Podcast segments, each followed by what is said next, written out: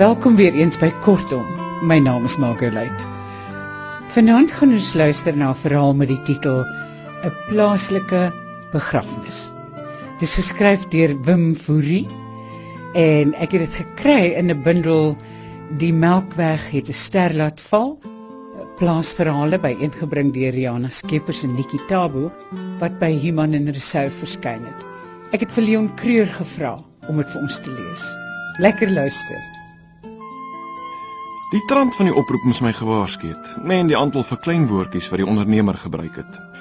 Uh, sal Dominee vir hulle ogensie kan doen.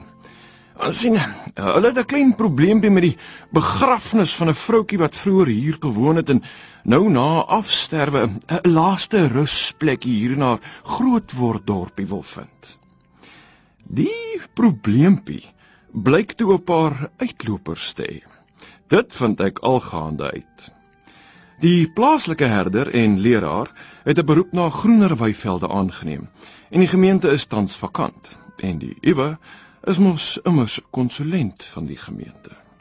Die begrafnis is net so eentjie uit die dorp op die familieplaas van die gesin. En daar's ook so 'n bietjie haakplekkies in die familie, juis oor die plaas en alles. En dit gaan 'n groot begrafnis wees. Ag in plaas van 6 draers omdat die vroutjie so effens groot van postuur was. Die onheilige gedagte kom by my op dat dit een manier is wat die vroutjie verseker dat sy bietjie meer as haar regmatige porsie van die erfplaas in besit neem. Ek willig teen beter wete in om in te staan vir die roudiens en ter aarde bestelling. Hmm. Oor sommige roudienste het 'n mens later berou. Die reëlings verloop relatief vlot, maar relatief bly 'n relatiewe begrip. Die familie versoek dat dit 'n baie tradisionele begrafnis moet wees. Presies hoe tradisioneel besef ek toe hulle die ou begrafnisbriewe bring van familielede wat reeds hulle stukkie erfgrond in die familiebegrafplaas opgehuis het. Daar is 'n hele versameling, sommige nog met 'n tikmasjien getik, die troostende biddende hande voorop en al die familietradisies binne-in soos die sing van daar's bemindes in die hemel en by die graf rus my siel jou God is koning.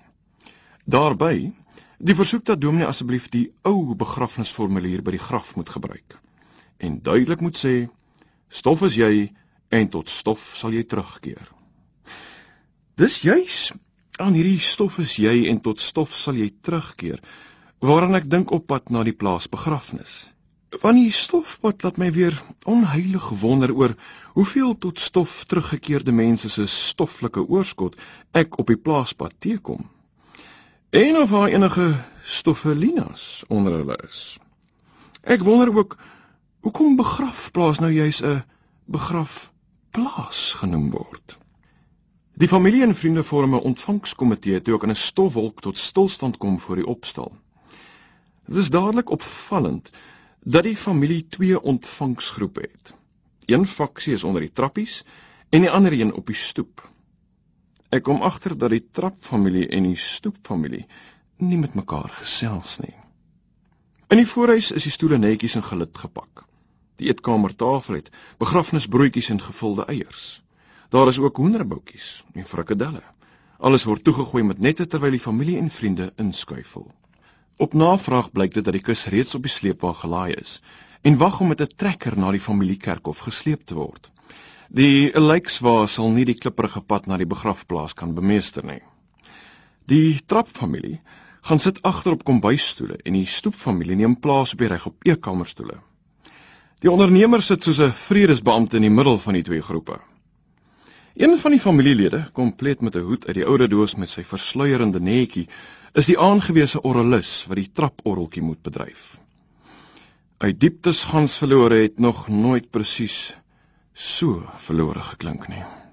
Veral nie as dit beamoen word met die ritmiese swaai van die behoede kop en fluitende asemstote van die aanborstige orreltjie nie. Die res van die diens verloop redelik normaal, Behalwe vir 'n knaapie wat ongemerk sy hand onder die teenet laat inglip en 'n raps met die gesangeboek oor die kneukels kry toe hy die verbode broodjie in sy sak probeer inglip. By die begrafplaas gekom, verg dit die aangewese draers plus etlike slippedraers om die kus van die sleepwa te kry. Die agt man stap met diepe konsentrasie, 'n ferm greep en vasberadenheid na die oop graf. Die slippedraers rond die stoet af. Ek merk dat daar nog 'n graf langs die groter as gewone graf gegrawe is. In die familie gebeur die sterftes glo so 2 2 bymekaar en hulle het 'n sommer voorsiening gemaak. Beduie die ondernemende ondernemer. Die groot stryd lê egter voor. Omdat die graf groter gegrawe is as die standaard, pas die ondernemer se meganiese toerusting nie en moet die kus met bande en met die hande laat sak word. Dit word 'n ingewikkelde operasie om die stoffelike oorskot ter aarde te bestel. Uiteindelik slaak die draers 'n sug van verligting toe die kosbare lading tot rus kom.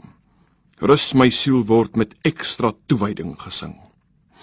Op versoek van die familie het ek my toga aangehou, uit respek vir die geleentheid, soos hulle dit gestel het. 'n Ligte wyntjie kop speel met die toga terwyl ek die begrafnisformulier lees. Net voor die doen van die slotgebed merk ek weer die aangrensende graf wat nie met 'n sinkplaat bedek is nie.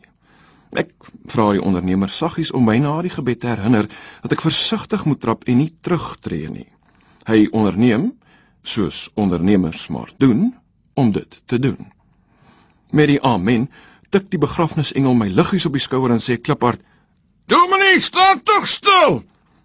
Ongelukkig herinner hy my nie dat ek ook nie te naby aan die graf voor ons moet staan nie en ek besef ineens dat die rand van die graf waar die kus pas laat sak is besig is om te verkrummel. Al genade is om te spring. Soos 'n wafferse Batman spring ek met toe gaan al oor die breedte van die graf en land aan die ander kant tussen die stoepfamilie wat my met verrassing en nuwe respek aankyk. Die skoonsister van die oorledene, deel van die trapfamilie, het sopas die sakkende kus en die springende predikant op videokamera vir ewig. Trou aan haar trapfamilie, trap sy agteruit om 'n beter geheelbeeld op film vas te lê en misgis saam met die dun grens tussen die aardse bestel en die ter aarde bestelling. Sy sak weg in die oop graf met die videokamera wat soos 'n periskoop nog die mengsel van skok, afgryse en eerste oopmond gil grynslag op die omstanders se gesigte vas lê. Sy land op haar pikswart steweltjies wat 'n end in die vars grond onder die bodem wegsak. Die ondernemer, wat al alles in sy roemryke loopbaan beleef het, selfs 'n kus wat sy bodem verloor het vlak voor die graf, steek dadelik 'n helpende hand uit aan die ongekuste begraafde wat soos 'n moderne Lazarus daar staan met wapperende videokamera. Hmm, soos dit 'n goeie leraar betaam, steek ek toe ook maar 'n herderlike hand uit en gryp die gevalle vrou aan die hand. Ons rem en trek. 'n Merkwaardige tweetal. Die ondernemer met 'n swaal stert en leraar met wapperende toga. Die skoonsister in die graf is ook 'n redelike duidelike mense nie opwys gebeur met verdrag. En dis toe dat die deurbraak gebeur. Een van die stoepfamilie staan so waar nader en help met die grootse reddingspoging.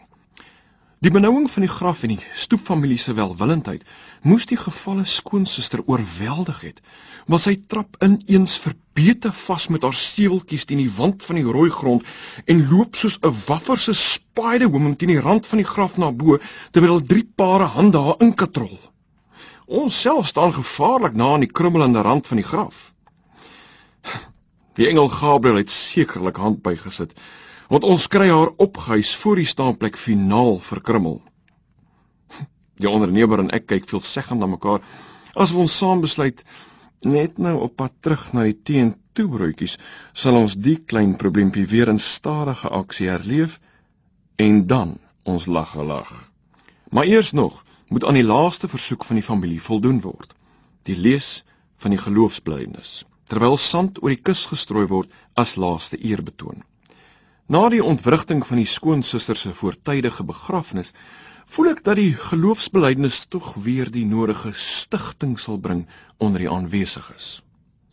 Ek merk dat my geloofsbelijdenis blaadjie nie meer voor in my Bybel is nie en besluit om dit maar uit die kop uit op te sê. Ek ken dit tog immers. Was dit die grafvallery wat my ontstig het?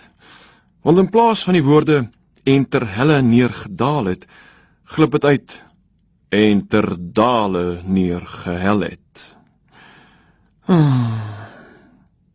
Dis toe ek met 'n begrafnisbroodjie in die een hand en 'n koppie tee in die ander hand staan, dat die skoonsister met die videokamera na my aangestap kom. Sou sy my kom betugtig omdat sy 'n sweem van 'n glimlag bemerk het toe ek haar help ophuis het? Of erger nog dat ek haar grafvallery in die apokriewe geloofbelydenis vir ewig het? Sy staan egter vertroulik nader en sê plegtig en almegtig Ek wil Dominee ten diepste bedank vir die die waardige wyse waarop u die plegtigheid waargeneem het. Dit was veral vir my so wonderlik toe u die oorwinningssprong oor die dood uitgevoer het na die gebed by die graf. Ek wil graag vra dat u dit ook eendag net so doen by my ter aardbestelling. Ek gebruik maar die feit dat ek besig is om 'n broodjie te eet as alibi en knik net instemmend. Toe ek later met die stofpad terugry, herleef ek die gebeure in stadige aksie met 'n temalied in my kop. Hy dieptes gans verlore van redding ver vandaan. Dis toe dat 'n onbedaarlike lag by my tref. Die spreekwoord sê mos van lekker huil kom lekker lag. Leon Creer het vir ons Wim Fourie se verhaal 'n plaaslike begrafnis gelees.